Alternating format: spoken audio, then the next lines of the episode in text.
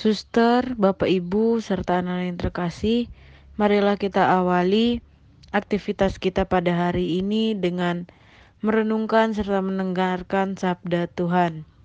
Namun sebelum itu, marilah kita bersatu dalam doa. Marilah kita berdoa. Dalam nama Bapa dan Putra dan Roh Kudus. Amin. Allah Tritunggal Maha Kudus, Allah Bapa, Putra, dan Roh Kudus. Syukur dan terima kasih atas berkat dan penyertaan-Mu dalam istirahat kami tadi malam hingga pada pagi ini dapat bangun dengan kekuatan, kesehatan, serta semangat yang baru.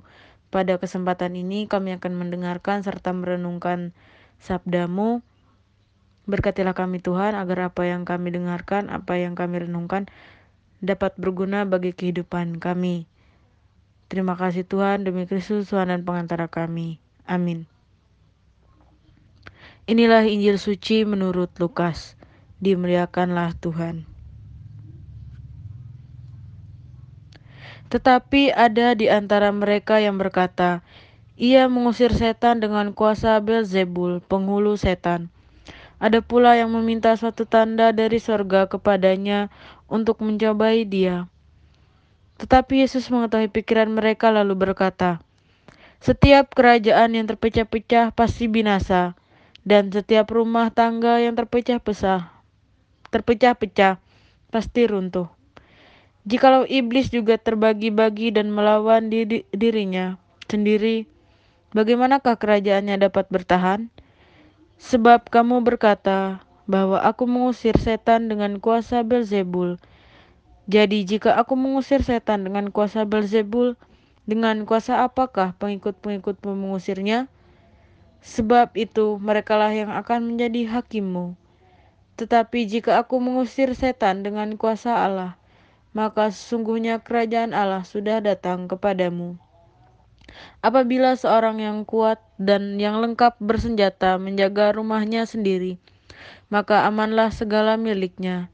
Tetapi jika seorang yang lebih kuat daripadanya menyerang dan mengalahkannya, maka orang itu akan merampas perlengkapan senjata yang diandalkannya dan akan membagi-bagikan rampasannya.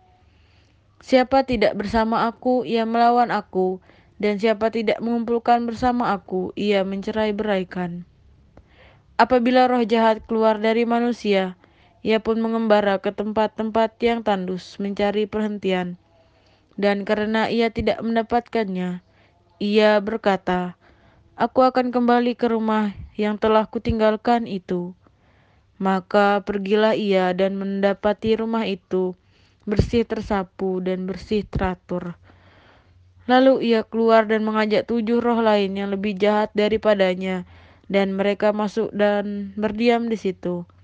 Maka akhirnya keadaan orang itu lebih buruk daripada keadaan semula. Demikianlah Injil Tuhan. Terpujilah Kristus. Pada hari ini Yesus memaparkan cara kerja setan atau iblis dalam hidup manusia. Setan itu mempunyai kekuatan, mempunyai daya untuk mengalahkan dan menguasai manusia. Bahkan kalau setan pun dikalahkan, ia tidak begitu saja mengalah.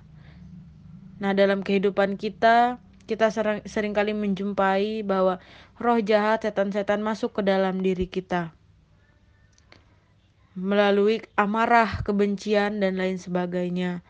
Nah, setan-setan itu akan berusaha datang lagi untuk melawan dengan daya kekuatan yang lebih besar agar dapat merontokkan pertahanan manusia.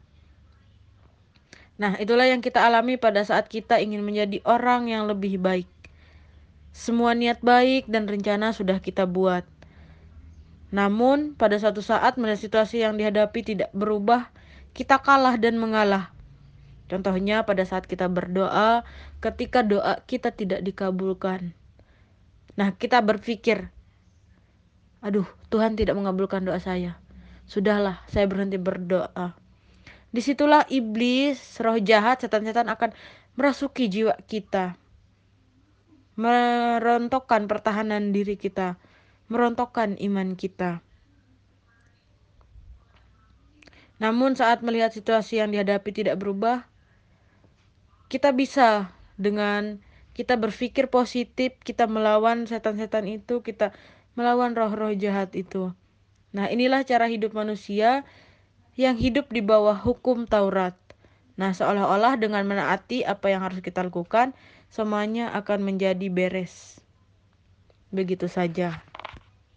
Maka marilah kita bersama-sama kita membuang segala amarah kita, pikiran-pikiran negatif kita, kebencian kita, dengan kita berpikir positif, agar roh-roh yang baik masuk ke dalam diri kita, mengalahkan roh-roh yang jahat itu. Semoga renungan yang, yang saya sampaikan dapat kita jalani dalam kehidupan kita.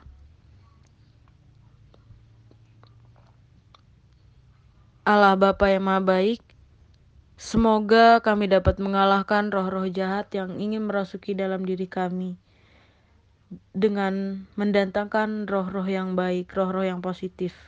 Berkatilah kami dalam satu hari ini Tuhan. Inilah doa dan permohonan kami demi Kristus Tuhan dan pengantara kami. Amin. Dalam nama Bapa dan Putra dan Roh Kudus. Amin.